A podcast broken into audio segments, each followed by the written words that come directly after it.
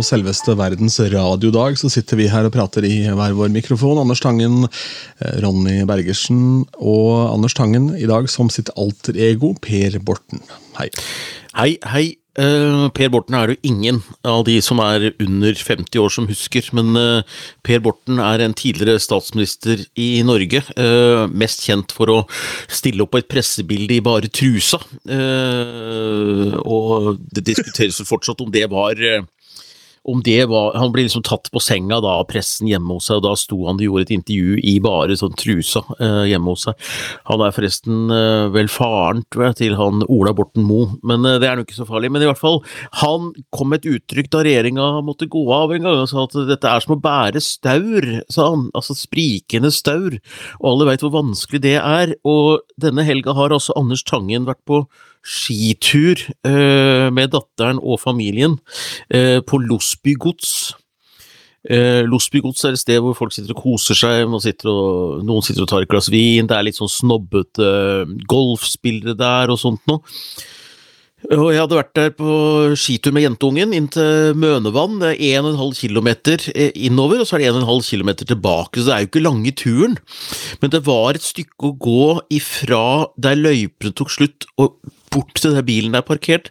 Så da sa vi da kan du bare gå og leke på framsida sammen med mamma, så skal jeg ta meg av skiene og bære dem til bilen.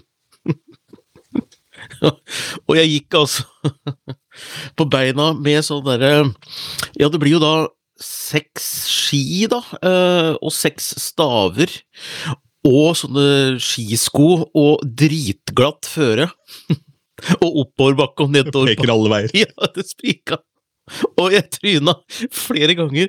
Og, og, jeg, og, jeg, så jo opp, så så jeg at nå har de så ut, du, du, begynte å se at folk begynte å reise seg fra bordene for å se liksom på han mannen som gikk utafor der, inne der. Og så, det var virkelig sånn underholdning. Så, så, dette her så tenkte jeg dette kan jeg altså jeg kan ikke gå lenger med dette her, så jeg bare slengte fra meg skiene, eh, sendte dem i nedoverbakke.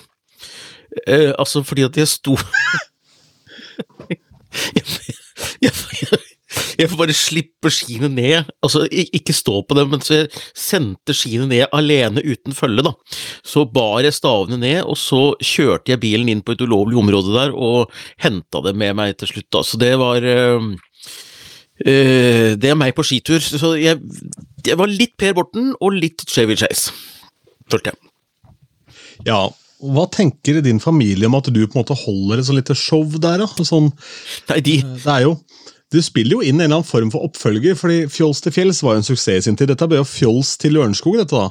Ja, definitivt. Og familien min uh, veit egentlig ikke noe om dette her, fordi at de var jo trygt forvart på framsida av Losbygods. Dette var mer på baksida, eh, ah, der, ja. der, spisesalen er, og der folk sitter og spiser og sånn, og har god utsikt til de som kommer gående inn fra skiturer og og sånn, da. Deriblant meg, da. Så uh, jeg følte meg Men jeg, jeg bjudar på, jeg. Ja. Jeg har jo aldri vært redd for det, så vel bekomme. Ja, Det får en si, i hvert fall. Det, altså Der har du dine ord i behold, føler jeg. At du aldri har vært redd for å bjuda på, for det gjør du jo alle mulige varianter. Ja da. Vi, vi, kan vel starte litt med at du har vært i studio og spilt inn noe musikk. Ja. Snakke litt om det før vi ja, jubler oss på Grand Prix Nytt. Ja, det, det har jeg. Det, det, var veldig gøy. Ehm, det er, jeg fikk eh, autotune på 39. Det er visst tall på dette her, altså hvor mye autotune du, du får, og sånn 39 er visst ganske lavt. Uh, så jeg, jeg, har ikke noe eksempel på uh, med og uten autotune. Jeg huska etterpå at det skulle jeg jo lage i studio der. Uh, jeg lovte deg det, men det får vi se hvis vi skal gjøre noe sånn ekstra pålegg på på vokalen, så skal jeg be om det da, rett og slett, for nå holder de på å legge på noe koring og noe greier. Så Nei, det var veldig, det var veldig gøy, og Nei, det er en liten sånn pen, retro, countryaktig eh, P1 eh, pluss-låt. Eh, jeg har som ambisjon å bli en av de første som blir spilt for spilling rett på P1 pluss. Rar ambisjon å ha, altså. Veldig rar ambisjon. Jeg går liksom ikke veien noen P1, P3, alle disse kanalene. Jeg, prøver å gå rett på P1 pluss, da, som er 55 pluss som målgruppe. Det er målet. Du vil skjønne det når du får Ja, høre nei, låten. det, du har jo lefla med andre ting som har fungert midt på treet. Har blitt eh, avvist og ref refusert. Så kanskje, kanskje blir det PM pluss, det hadde vært litt artig, da. ja, det, jeg må må legge ambisjonen et sted, tenker jeg. Så øh, mm, den er noe der. Nei, da, øh, nei, men jeg skal bruke den faktisk. Jeg skal bruke den i foredraget mitt. Det morsomme er at nå skal jeg holde foredraget mitt for første gang hvor det er mulig å kjøpe billett, for det er så mye eventjobbing. Eh, Så 13. april så står jeg på Vika kino med foredraget mitt sammen med en del andre foredragsholdere på noen kickoff-dag som byrået mitt Athenas arrangerer, og da tenkte jeg at da får jeg kline til eh, å bruke den låta der i foredraget mitt som heter Vi gjør det sammen, for den er litt sånn, handler litt om det, da. Så det, men det var veldig gøy å være i studio, altså, og synge. eh, det må jeg si. Utrolig hva man får til å låte greit. Det må jeg si. Ja, det er jo, jeg var ikke klar over at man fikk et nummer på autotune. Så er det sånn at Hvis det, en kamerat av deg skal gå inn og synge, og han har nummer 40, så mobber du han litt, da, eller? Fordi du har Ja, lavere Helt klart. Skjønner Det er litt sånn som å spille golf. Apropos Losbygods, som også er en golfbane. Hvor mye handikap du har. Altså hvor mye autotune har du eh, på innspillingen din. Og han sa at det er, det er lavt, han sa det. Eh, alle bruker det jo, så, eh, i studio. Men nå, nå er det forresten litt sånn diskusjon om Alessandra, ikke diskusjon, da, men jeg har sett flere sånne React to-videoer som sier at uh, åpenbart at Alessandra ikke brukte autotune i finalen. Uh, blant annet en svensk musiker som sa at det hører du her, at det ikke er brukt autotune, men jeg vet ikke hvordan han kan høre det. Men han, uh, har påsto det, og hvis det stemmer, så er jo det en fin ting. Ja. Jeg vet ikke helt hvordan han kjenner igjen de tingene der sjøl, men du hører jo at Share bruker det, på en måte, på Believe. Men eh, da er det brukt som en effekt. eh, men eh, men for bare fin justering fra en ganske skolert sanger, så er det vel kanskje vrient å høre. Men igjen, da, hvis du er en skolert musiker selv, så har du jo absolutt gehør sikkert, og kan høre det ene fra det andre. Så jeg ikke. Da, da hører han kanskje imperfections, da, som man kanskje ikke hadde hørt hvis det var autotune i, i spill. da. Ja, kan være. Kan være. Ellers, to, vår lille Tore Johansen-spalte. Eh, jeg eh, har kommet over en ny låt med Tore Johansen som jeg ikke har hørt før. Så dette er jo eh, breaking news i podkastsammenheng. Låta er riktignok åtte år gammel, men det, det spiller jo ingen rolle for oss. Jeg tror den er ny for veldig mange. Du fant, du fant den da du begynte å researche spillelisten til PM+, eller hvordan var det? Ja, jeg tror den passer veldig godt der. Men, men, men det er faktisk en veldig fin låt. Jeg syns vi skal legge ut link til denne her. altså Det syns jeg vi skal gjøre. Eh, En låt som heter You med Tore Johansen, eh, som er døvetolka gjennom stort sett hele låta, med musikkvideo og greier. Så eh, jeg ble så glad når jeg fant den, så tenkte jeg at den må vi jo formidle ut til folket. Mer Tore Johansen i monitor, tenker jeg. Så la oss legge den ut. En koselig, koselig liten sang. Ja da, og her står det under kommentarfeltet under YouTube, ikke sant. Du er en av de beste sangerne fra Norge, og selvfølgelig best fra Trondheim. Rett og slett nydelig på flere plan. Hva skal man egentlig si annet enn helt skjønt? Det er kommentarfeltet. Ja, men det er jo vakkert, da. Det som er eh, ikke fullt så skjønt, det er å ha julebord på søndag. Ok, hva har skjedd nå, da? Ja. Nei, jeg har vært på julebord med et utested som jeg jobber litt for eh, i ny og ne. eh, Og da var dette i Lillestrøm. Vi var ute og spiste mat, og så var vi på en bar etterpå som hadde en eh, sånn andre etasje med en egen avdeling for oss, hvor vi satt og prata og hadde det hyggelig. Og så var det ikke noen aktiviteter der, så vi stakk videre til Martins for å spille shuffleboard. Martins hadde også sitt julebord samme dag. Ja, Så det er jo da noen fra Republic som er leid inn til å jobbe på Martins den dagen, fordi alle er ute. Og da, Det blei kjempehyggelig, og så kommer det noen vanlige dødelige gjester og sånn etter hvert. Og så gjør vi egentlig ingenting ut av oss, vi bare sitter og prater og har det hyggelig, og det er veldig lenge siden jeg har gjort. Eh, Så klokka tikker og går, så alt av tog har slutt. Altså alt er jo sånn, Det blir jo nærmere tre på natta før jeg klarer å komme meg ut av den dumme puben. Ikke har jeg drikket spesielt mye heller, men jeg skulle jo på jobb i dag, da, så jeg var jo helt lasaron når jeg våkna i dag tidlig. Det var jo helt ubrukelig. Så, ja, bilen min sto ned i byen, og jeg, jeg hadde en sånn plan om at, eh, at jeg skulle få henta den på dagen i dag, men jeg har jo da produsert det jeg har gjort hjemmefra, og egentlig bare ja, jeg vet ikke, bare gått rundt sånn derre svevd i en sånn boble av å ha vært ute på en søndag. Men det du har opplevd der, det er jo bransjekrasj, ikke sant. Altså, det, det er noe med at når du da er i utelivsbransjen eller sånn, så er du ofte fri på mandag. Så er det helt perfekt å ha julebord på søndag. Så det er ikke noe feil med det. Det som er feilen, er at du har fått en sånn vanlig jobb eh, liksom, og later som at du er en sånn fyr som eh, er ansvarlig og står på mandag morgen og sånt, men det er du ikke. Eh, du er, du er, det er ikke Nei, helt integrert i deg, da, ikke sant, det tror jeg. Men, eh, så det er rett og slett en bransjekrasj. Og så hadde jeg jo da før så hadde jeg jo en helt annen rutine og en pondus på dette. For da hadde jeg på en måte julebord på tirsdag og onsdag flere ganger i uka. ikke sant? Altså, sånn, det var ikke noe problem, det var det du dreiv med da. Mens nå så er jeg mye mer hjemme, og da er man ikke vant til de der eh, baserallene der. At det forekommer. Så da, mm, ja, Men det var jo drithyggelig, da, for så vidt. Man fikk jo snakka litt fornuftig med folk, og følte jeg.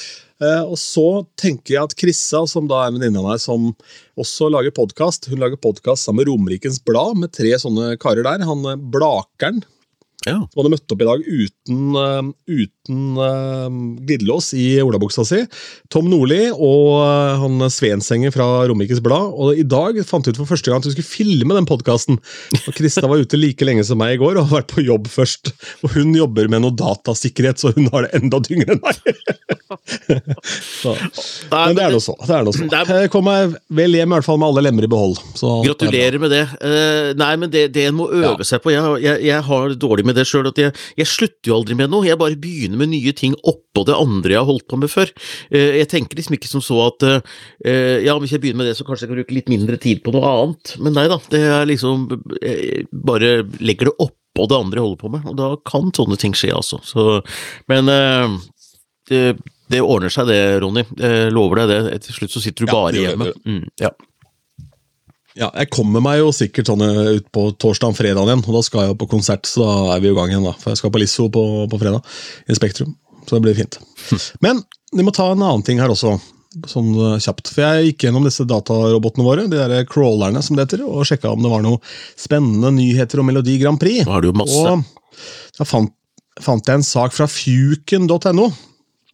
Ja. Eh, som jeg da ikke får lest, men ligger bak betalingsmur. Det er ikke sikkert saken er så spennende heller, men Caroline, som hun heter, skal da Hun danser i Melodi Grand Prix, og er opprinnelig fra Vågå. Det er helt riktig, og jeg så den der der, og eh, nå er det jo lokalbonanza for å finne en eller annen lokal vinkling til årets norske bidrag, og det er jo eh, fascinerende, fordi Alessandra er jo halvt italiensk, så til og med denne byen hvor hun er fra i Italia, eh, er jo en eh, YouTube-hit hvor du ser hvor glade de blir når hun vinner. Så også lokalaviser i Italia slår jo nå opp, ikke sant, eh, at de har en eller annen slags aksje i denne låta, da, som går sin seiersgang over En absurd seiersgang over verden for tida. Hele, hele kloden, egentlig. Ja, absolutt. Ja. Men det som denne saken fra Fuken da minte meg på, da, for jeg kunne jo kjøpt et abonnement på Fuken for en krone. Men jeg fikk en e-post her, apropos refusert, for jeg har da hatt et bankkort som eh, ikke lenger eh, er i live. Det har rett og slett gått ut, så jeg har eh, fått en nytt et. Og da fikk jeg beskjed fra medieselskapet Karmøy. Karmøy Nytt AS, som forteller at det var en eh, betaling på 129 kroner som ikke gikk gjennom. Ja. Og når begynte jeg å abonnere på Karmøy Nytt? Det var da vi leste om pepperhøne. ja, det er et år siden, det nå. Ja, Så jeg har da betalt 129 kroner i måneden for abonnement på Karmøynytt. For å lese den jævla saken om pepperhøne. Ta den en clickbaked faen! Helvete, altså. Å, ja, det er Det minner om meg. Jeg, eh, jeg husker ikke saken, så det er ikke så morsomt, men altså, jeg, jeg hadde et par sånne abonnementer på sånne merkelige lokalaviser fordi at de ville lese denne saken. Så watch out, altså. Eh, Det blir fort dyrt å eh, fordype seg i pepperhøner og karoliner fra Vågå, uten sammenligning for øvrig. Så Ja, det, det har vel veldig lite med hverandre å gjøre, tror jeg. Men uh, veldig. hvis, veldig. det, hvis du hadde møtt opp på Eurovision-scenen med en hel haug med pepperhøner som dansere, det hadde vært spennende, tror jeg. Da hadde da i hvert fall han karen fått kjørt seg. Da måtte jeg kjøpt nytt abonnement, oppfølgersak. Mm, mm, mm. Ja, og stakkars. Ja. Ja. Så jeg vurderer å sende hun Anne, for jeg har en mail her til anne.karmøyne.no, for hvis du har noe, skal rette opp i et eller annet som er feil. da. Jeg vurderer å sende henne en faktura på eksponering i Grand Prix-podkasten og se om jeg får det til å fly. ja, bare det heter motregning, heter det. Altså, du bare gir motregning fordi ja, 1400 kroner du har betalt for abonnement, tenk på det. Du har betalt 1400 kroner for å abonnere på Ja, ja, hold kjeft, da. Jeg orker ikke. Oh. Det, det er mange julebord Pinlig, på søndag, mange søndagsjulebord, det. Det er i hvert fall ett. Ja. og ja, eller det er vel kanskje bare ett nå i dagens samfunn, da, men vi snakka om det også, spesifikt. Altså, Vi satt her i podkasten og jeg sa det om å huske å si opp dritten, og så gjorde jeg ikke det. Helt opp. Nei, nei, men du har Er det rart, er det rart å ansette en business manager som bare tar seg av disse tingene her, eller så hadde alt gått gærlig. Ja, ja men det er bra. Og, eh, men du har vært flink da til å støtte lokalpressen, lokaldemokratiet. Det er viktig, det. Mm. Ja, så absolutt. Noen som ikke har vært flinke til å støtte, det er det danske publikum. For da jeg var innom og kikka gjennom det der eh, robotstyret vårt, så står det her at eh, Dansk Melodi Grand Prix er eh, minst sette på 30 år. Ja. Ja, eh, det, det tror jeg de skal være litt, litt glad for, holdt jeg på å si. Nei, altså det, jeg, jeg satt jo og så på, satt og fulgte med på det med familien her, og det var eh, det var en pussig affære. Eh, det var en programleder som ikke hadde øyekontakt med kameraet i det hele tatt, han virka virkelig ikke til stede. Og Eh, og, og de fikk jo sin utgave av 2020 med stemmetrøbbel underveis. Så eh, det, sendinga besto vel for stor del av Husk nå å eh, nullstill appen. Eventuelt så tror jeg vi bare anbefaler folk å stemme på SMS, for det virker i alle fall. Eh, altså det, det, det var litt sånn, og de brukte en halvtime på å forklare utrolig kompliserte stemmeregler. Eh, og noen låter som ikke som jeg ikke fikk tak på i det hele tatt denne gangen, og det er ofte sånn i Danmark at noen ganger treffer de blink, men stort sett så surrer de rundt ute i et sånt landskap som er vanskelig å forklare seg, eh, forklare. Eh, så var det da Så fikk de fram en vinner fra Færøyene, eh, som for så vidt sikkert mange som kan like den, men han bruker en sånn effekt på stemma, det er ikke autotune, men han høres ut som han er høres ut som en datamaskin når han synger, da. Uh, og han er Vokoder heter det. Vokoder er en sånn derre slange som han uh, ja. Ja, litt sånn. Uh, ja, litt sånn. Øh, og en litt sånn øh, TikTok-stjerne, han også, da. Og, og det ser ut til å kunne bli en sånn trend i år. Det er veldig mye sånne pussige låter. Eh, Kroatia sender en, et band som heter Let Tree Mama SC. Den vil vi også legge eh, legge ut link til. Den, den er bare kjemperar, og jeg tenkte jeg skulle hvis, hvis jeg får lov av deg nå, så har jeg litt lyst til å lese teksten på engelsk eh, for deg, eh, Ronny. Kan jeg det? Klart du kan det, men nå må du huske at vi har folk som hører på dette òg. Så nå leser du det ikke bare for meg, men også da for det norske folk. Da gjør jeg det. Her kommer da Mama Essie. Mom bought a tractor, mom bought a tractor, mom bought a, brought a tractor, Traina Nina Armageddon Grandma, mom bought a tractor, mom bought a tractor, mom bought a tractor, Traina Nina Armageddon Grandma, mom loved a moron, mom loved a moron, mom loved a moron, Traina Nina Armageddon Grandma, mom, mom, mom, I'm gonna I'm gonna go play. Mom, I'm going to war. That little psychopath, wicked little psychopath, crocodile psychopath. Mom, I'm going to war. Tractor. Mom, load a moron. Mom, load a moron. Mom, load a moron. Traina Nina, Armageddon grandma. That little psychopath, wicked little psychopath, crocodile psychopath. Mom, I'm going to war. That little psychopath, wicked little psychopath, crocodile psychopath. Mom, I'm going to war. Mom, mom, mom. That little psychopath, wicked little psychopath, crocodile psychopath. Mom, I'm going to war. Du har hørt Grand Prix-podkasten. Takk for oss. altså um, Jeg forstår jo med en gang hva som skjer her, fordi idet du kommer med Crocodile, så er jo det navnet på et sånt skrekkdop. Så her er det noen som har tatt Crocodile, garantert, eh, og skrevet dette. For her, her er det altså mye spill. eh, Men det er altså Give That Wolf a Banana var plutselig, den var jo plutselig var hang på greip, den nå. Helt mainstream, og, og det, det er nesten slått meg. Har de slått an en, en streng her nå? I, I, Tyskland, tror jeg det er. Eh, jeg har ikke hørt låta, men det er en låt som heter Ikke, som også er en sånn rar låt. Og ryktene sier at juryen hadde denne låta her til Let Tree på topp, og her har vi altså nazibarter og, og uh, sånne liksom-raketter på scenen, og pyro og alt mulig. Og, og noen driver og spekulerer i har juryene liksom fått noen litt sånn andre andre ting de skal se etter, eh, og ikke bare at det er god vokal og eh, originale låter og sånn, som har et hitpotensial, for dette er jo veldig, veldig rart. Og, og i Finland så er det en låt som heter Cha-Cha-Cha, eh, som ligger høyt på oddsen Eller låta ligger ikke høyt på oddsen, Finland ligger høyt på oddsen, de har ikke hatt finale ennå. Men man tror at den der Cha-Cha-Cha kan bli vinneren, da. Og det er også sånn litt sånn Gangnam Style-aktig eh, låt. Så det er tydelig at det er et slags TikTok-univers, eh, sånne fenomenlåter, som er kanskje en liten trend i år, da. Og, og Alisander er jo den mest seriøse av disse. og og det morsomme Norge er jo at vi ligger pinadø, vet du, solid i toppen selv etter at uh, veldig mange flere låter er blitt klare. Vi ligger og vaker opp på tredjeplass og kommer sannsynligvis til å komme på andreplass på oddsen i løpet av uka, tenker jeg, for vi nærmer oss Sverige veldig brått og brutalt her, altså, leder på polls og Nei, det er veldig, veldig gøy.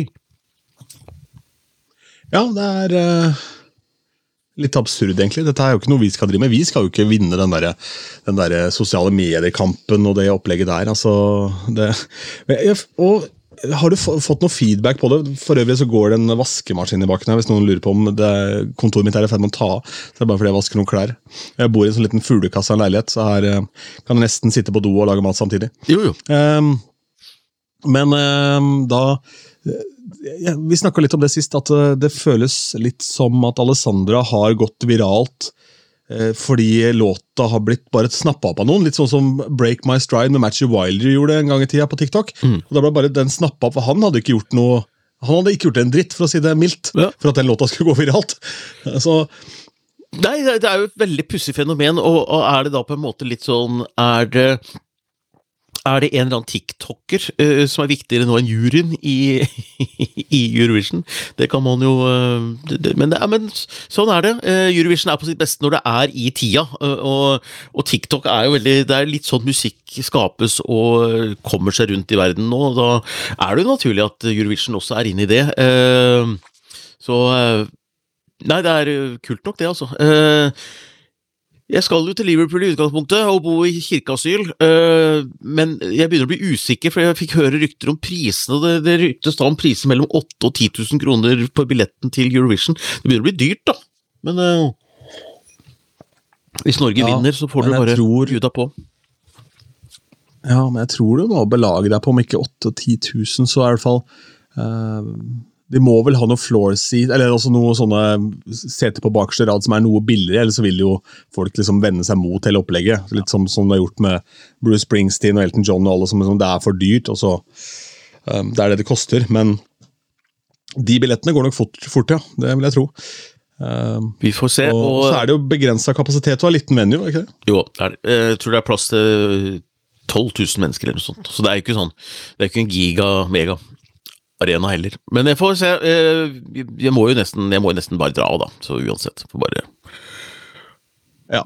Droppe et julebord. Det vil være ting å få gjort der. Jeg, jeg har for øvrig, Når du snakka med, med nazibarter og sånn, så kom jeg på et, eh, et issue som dukka opp her. For eh, jeg skal gjøre en veldig spesifikk spillejobb. for Jeg arrangerer ja, Du har ikke signert kontrakten ennå, men nå er vi så nærme en deal at jeg tror det blir noe av. for jeg skal gjøre det offisielle, eller offisielle, offisielle men vi skal gjøre afterparty etter Depeche Mode-konserten i eh, Telenor Arena. Så vi skal gjøre det på betong. Chateau Neuf. Nei, så gøy! Det er det perfekt, perfekte venue der. Og Da er det to rom, så det er på en måte en avdeling hvor jeg spiller Deppers Mode i kall det originalinnpakning.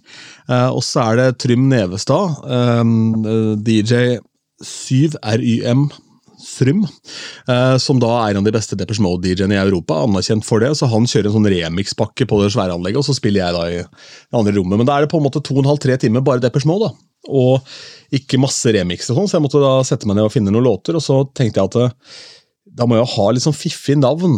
Så jeg gikk gjennom alle sangene deres for å se om jeg kunne Jeg kan ikke kalle meg for Ronny Enjoy the Silence Bergersen, det blir for hardt. ikke sant? Og så fant jeg et jævlig kult navn, for jeg har en låt som heter Pimf.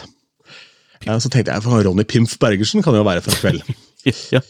Og så googlet jeg heldigvis det, da. Fordi den låta, som er en B-side til en Depeche Mode-låt, har tatt sitt navn fra um, The junior section of the Hitler Youth in Nazi Germany. Så jeg kan ikke kalle meg for det. Men jeg føler at jeg fant sekken best, da. For jeg endte opp med Ronny Big Muff Bergersen. Uh, og dette er jeg meget fornøyd med. Nå er jeg inne på et nettsted som heter Urban Dictionary. Big Muff kan jo da være en dame med veldig hårete underliv. Det er jo ikke så veldig spennende. Det som derimot er spennende, og som gjorde at jeg valgte å gå for det, det er følgende uh, beskrivelse.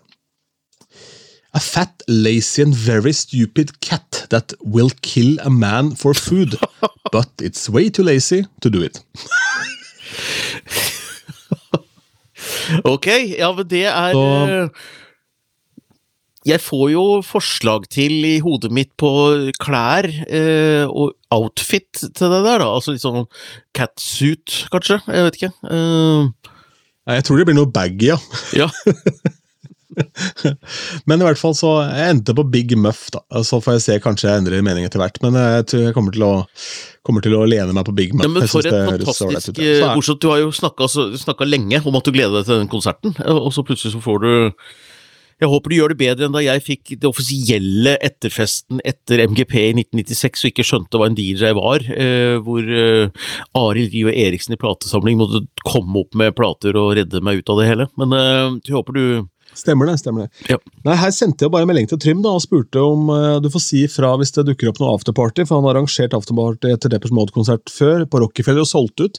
For det er jo sånn hardcore-fans som elsker det bandet. da. Ja, ja. Uh, og, og da gjorde han det sammen med Svein Bjørge, som gjør Tons of Rock, men Svein hadde noe sykdom for en stund tilbake, som han vel nå har blitt frisk fra. Eh, men han har vel roa ned litt på forskjellige ting og gjør nå primært Tons, da, som han holder på med. Eh, det er også blitt en gigasvær festival, selvfølgelig, så han er vel litt busy. Men da sier Trym at ja, men skal ikke vi bare lage det, da? Så slo det ene eller andre, og det er jo under Øyafestivalen, så mye venues var opptatt, og studentene er egentlig ikke helt i gang. men Betong er jo perfekt for en sånn event, ja, ja. sånt event. Ja, det blir bra. Jeg skal bare lukke inn den døra her, så ikke den pipinga kommer inn. Ja, gjør det. Gjør det. Ja. Nå går Ronny og sjekker klesvasken og lukker døra til eh, fuglekassa si, som han sier det. Mens jeg har en Nå ser jeg da hans DVD-samling. Eh, Rolling Stones, ser jeg. Ja, vi bare gikk gjennom din DVD-samling mens du var ute. Ja, jeg hørte det. Jeg har, eh, jeg har altfor mye eh, fysiske formater som jeg føler ikke gir mening. Altså CD-er og DVD-er. CD-singler har jeg kjøpt opp igjennom for å få tak i remixen. Jeg ble frastjålet en hel haug av musikken min før jeg hadde digitalisert alt. Så um, det er litt lettere nå, men samtidig så etter... Ja, unnskyld. Ja. ja, ja. Men det er jo eh, både en fordel og en ulempe at all musikk er tilgjengelig. Da. For da, i teorien så er det mye vanskelig å finne de kule sangene og spille også. Da det blir en større jobb med å gjøre det man kaller for crate digging. fordi eh, da graver du i platekassene, gjorde du før. Nå graver du i hele verden. Hele jævla internett. Eh, all musikk. Så. Ja, nei, det skjønner jeg.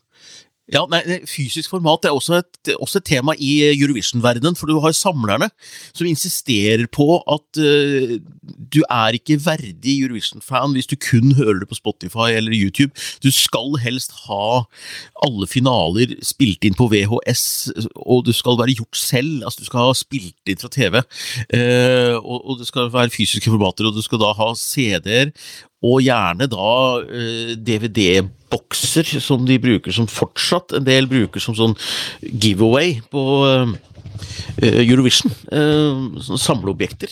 Så fysisk format det lever i beste velgående også i Eurovision-verdenen, altså. Den eh, siste filmen jeg så som på uh, spik spennende alvor ble gitt ut på VHS, altså i nyere tid, det var uh, faktisk Den er litt i tiden nå, for han har jo gått ut av tiden, Arne Treholt. Men denne filmen fra 2010, 'Kommandør Treholt og Ninjatroppen', den husker jeg kom på VHS. Kom rett på VHS, sier du det, ja? Nettopp? Nei da, VHS og DVD og alt mulig, selvfølgelig. Jo, Den var også på VHS. Også på VHS, ja. Der, ja, nei, det, det, det var vel omtrent det momentet der at at jeg slutta med DVD også, faktisk, tror jeg. Uh, kanskje litt seinere, men uh, ja, Nei, det husker jeg ikke. Nei, Kanskje det var litt, kanskje DVD-en hang med en liten, liten stund. Men uh, det siste jeg så på DVD, var Espen Askeladd og De gode hjelperne. Ja.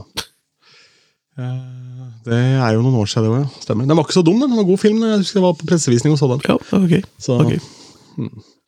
Men skal vi se Det har vært en diskusjon i bobla di om at altså, fansen og de entusiastene bomma på Alessandra. At hun ikke kom til å vinne bøtteballetten før det var tett på. og så ble det en prat rundt den biten der. Er det noe vi skulle tatt en snakk om? altså Hva kommer det av? Altså, ja. Det er ikke sikkert hennes observasjon ja, ja. er bang spot on. da.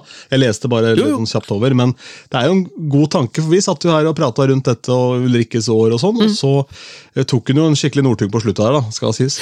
Nei, altså jeg tror at uh Altså, eh, fansens evne til å gjette i Eurovision er nok betydelig overdrevet av og til. Fordi at uh, man er Det er en grunn til at jeg kaller den Facebook-gruppa for en boble. Altså Man er en boble, og, og, glemmer kanskje at det er noe som heter VU, altså verden utenfor. Uh, og uh, Men så har vi da det som den leda jo på sånne målinger, eh, Alexandra, inne i bobla dagene før, så, så, fans stemte jo på den. Og det sto mellom den og Ulrikke, så på den måten var det jo ikke helt på jordet, liksom. Det var jo de to som kniva i toppen.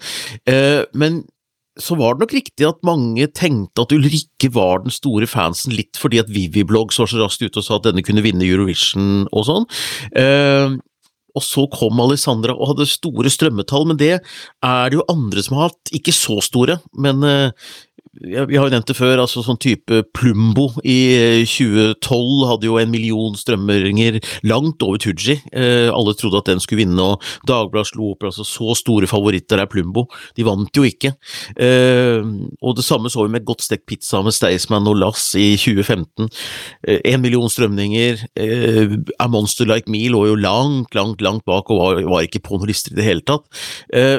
Så det er vel litt sånn man har sett dette her, og så var man litt spent på hvordan juryen kom til å slå inn, for det var internasjonal jury, vi er ikke så vant til det. Og det er litt uvant at det er bare én stemme også, ikke sant. Så det var veldig mange sånne usikkerhetsfaktorer. Men det som var det jeg syns at det var det flest fans sa, var at det er et åpent år. Mye mer åpent enn det mange tror.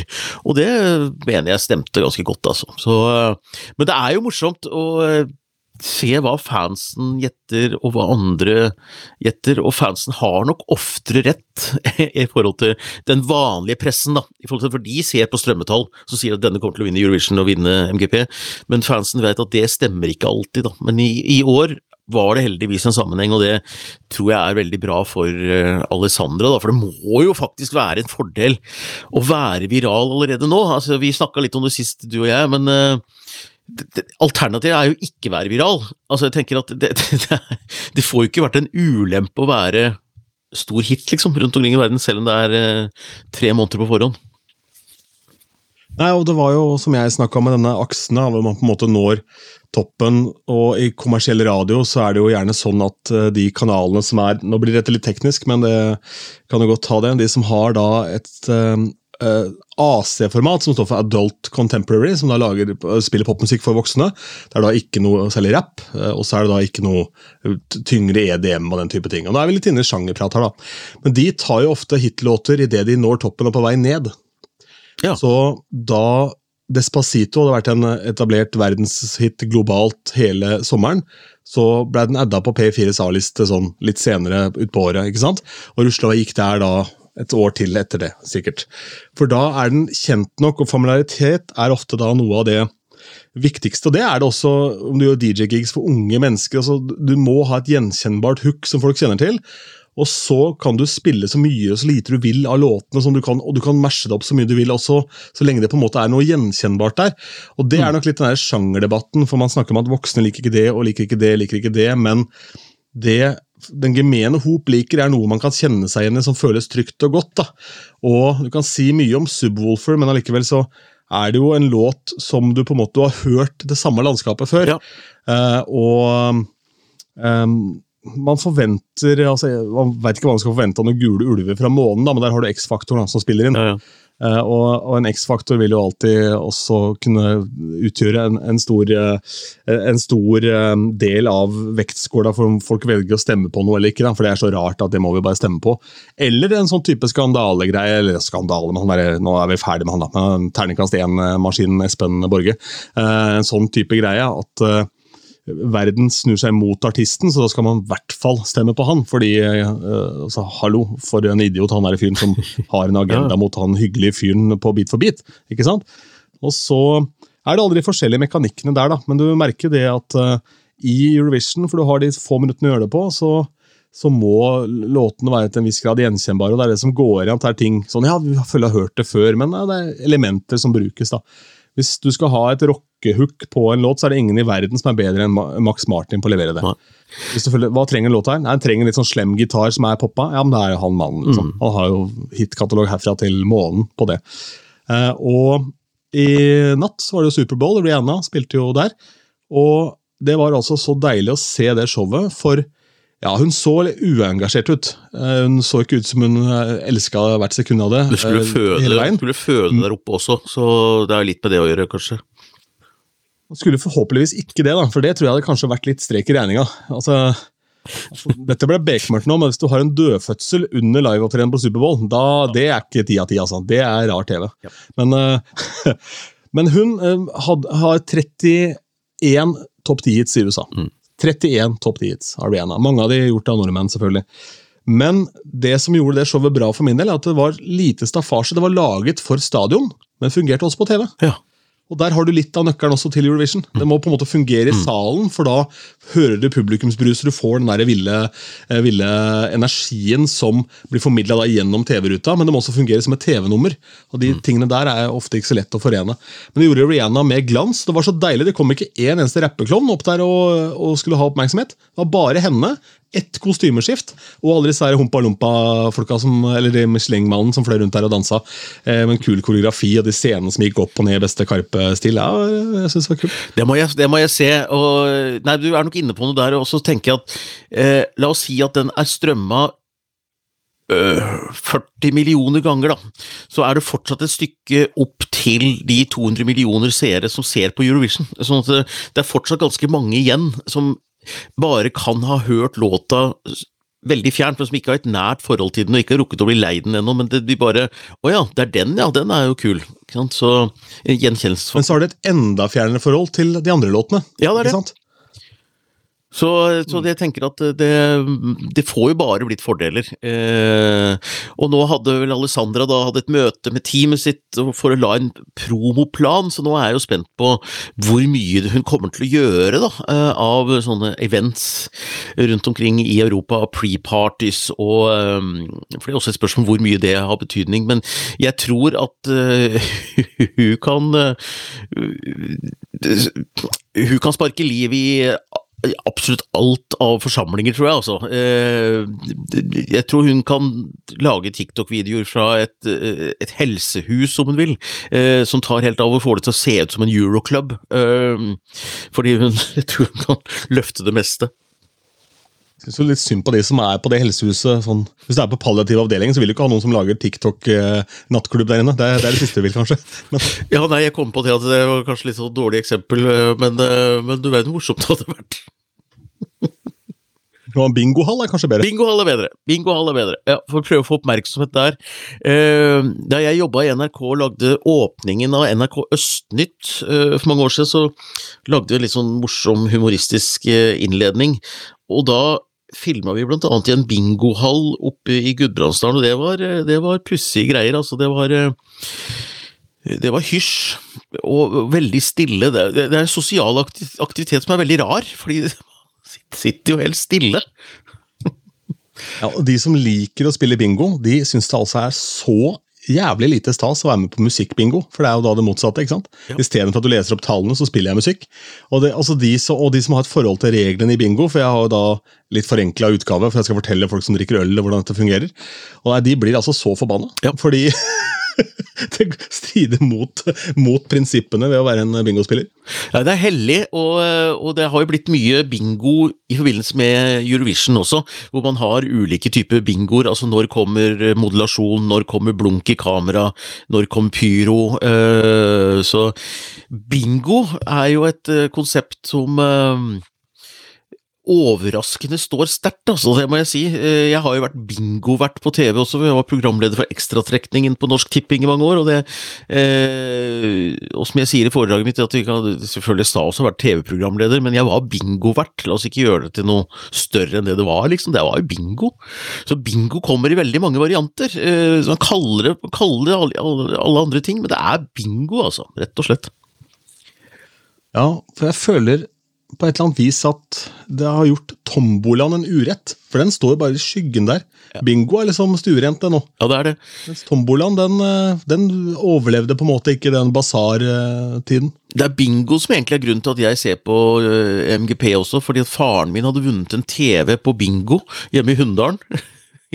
på 60-tallet. Så vi hadde de første som hadde TV der oppe. Så der kom alle folk og så TV, visstnok hos oss, da før jeg var født og sånn, men da satt de der og så på, så på TV som faren min hadde vunnet på bingo. Så eh, takk for det, altså.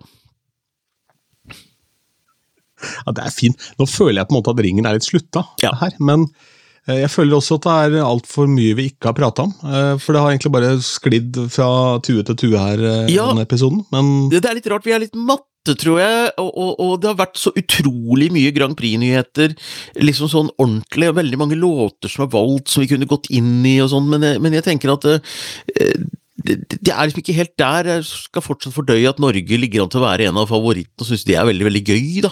Uh, så er det Marcus og Martinus da, på lørdag, i eh, delfinale tre i Sverige, så det blir jo spennende å følge med på. Uh, nå fikk jeg ikke sett delfinale to, fordi at det ligger ikke i ukesarkiv, og jeg har ikke sånn TV2 eller svensk TV-player, så uh, sånn gammeldags opptak-greie har svikta meg to ganger nå, så jeg har ikke fått sett delfinale to, da, men det var ingen andre som så men det er sikkert en eller annen som har en VHS av den, tror du ikke det? Liggende? Jo, jo, jo, helt klart. Fysisk format gjelder. Så det finnes. Det var jo det som eh, Det var jo morsomt. Det, det var veldig kult. eh, Dette er programmet med skjeletter ut av skapet om MGP. fordi eh, De, de sletta jo alt, NRK, fordi de hadde bruk for disse dyre båndene. De hadde ikke råd til å ta vare på gamle finaler. Men Arne Bendiksen han hadde det på fysisk, fysisk teip. Så ja, om det, det Man trenger, trenger konservatorene. Det var jo en brann for noen år tilbake i, eh, i um, uh, Hva heter det? Um, Universal Studios i Hollywood. Oh, ja. Og Da var det en lagerbygning som brant opp, og da brant massevis av mastertaper opp. ja. Uh, og det var da de originale båndene fra den gangen musikken ble spilt inn. Og mye av det var digitalisert, men du har allikevel ikke det originale. ikke sant? Altså Hver digitalisering du gjør. Så nå er det noe som heter, som heter um, et eller annet med Mountain, eh, som er en sånn eh, sikkerhets... Det er et eh, fysisk fjell, hvor du da rett og slett kan gå og levere da en tape til det fjellet, og så sitter det mennesker der som digitaliserer i på en måte så høy kvalitet som det er mulig å få til nå, da, for teknologien er blitt mye bedre Ja, ja. på det, det også, selvfølgelig. ja, ja. Og da blir det lagra i det der fjellet, så det er terrorsikkert og alt mulig. så Du må på en måte bombe hele fjellkjeden for å få lagt det. da. Og Der ligger jo da sant, de aller største skattene og, og sånn fra musikkens tid. da. For det ble dyssa veldig ned, det, at Universal hadde, hadde um, hatt det brann i det bygget, og at der sto det lagra massevis av mastertaper for noe helt Det uerstattelig. er så utrolig gøy. Nei, men det- det er jo, uten sammenligning for øvrig, at jeg har en, har en kassett, jeg har ikke kassettspiller, men jeg har så lyst til å få digitalisert den, fordi at det, første gang jeg var på en Grand Prix-finale var i 1984, og jeg har en kassett hvor det står Anders hemmelige opptak MGP eh, 1984. Så jeg er jo veldig spent på hva som er på den kassetten, det må jeg jo få hørt på. Iron Mountain heter det fjellet. Iron Mountain. Eh, Den kassetten kan du bare ta og levere i Akersgata på Radio Metro, så skal jeg få Trond Harald til å digitalisere for deg. Hvis det ikke er voldsomt mange timer med tape, for han har eh, digitale kopier. Eller han har verktøyene for det, så han gjør gjerne det. Det er vel en C60-kassett, tror jeg. Altså 60 minutter. Så. Ja, ja, ja, det er jo helt nydelig. Men um, um, i forbindelse med den der digitaliseringsbiten der, så det var en, eh, et lager som brant opp eh, hvor det var et søksmål i etterkant som da plutselig gjorde at man fant ut hvor mye back-katalogen var verdt. Okay. For det søksmålet baserte da på eh, og salg av låter fra band som bare hadde én hit, og sånn, til samleplater. Da de begynte å ta, de begynte å reutgi liksom, samleplater, og Absolute Music kom på starten av 90-tallet. Liksom. Og så var det det samme i USA. Og sånn. Og det var det søksmålet på mange mange millioner som gjorde at plutselig folk begynte å se i arkivene, fordi da var de bare opptatt av å gi ut musikken på nytt. Ja, ja, ja. Men så kom da Best Over og samleplater og alt mulig rart. da.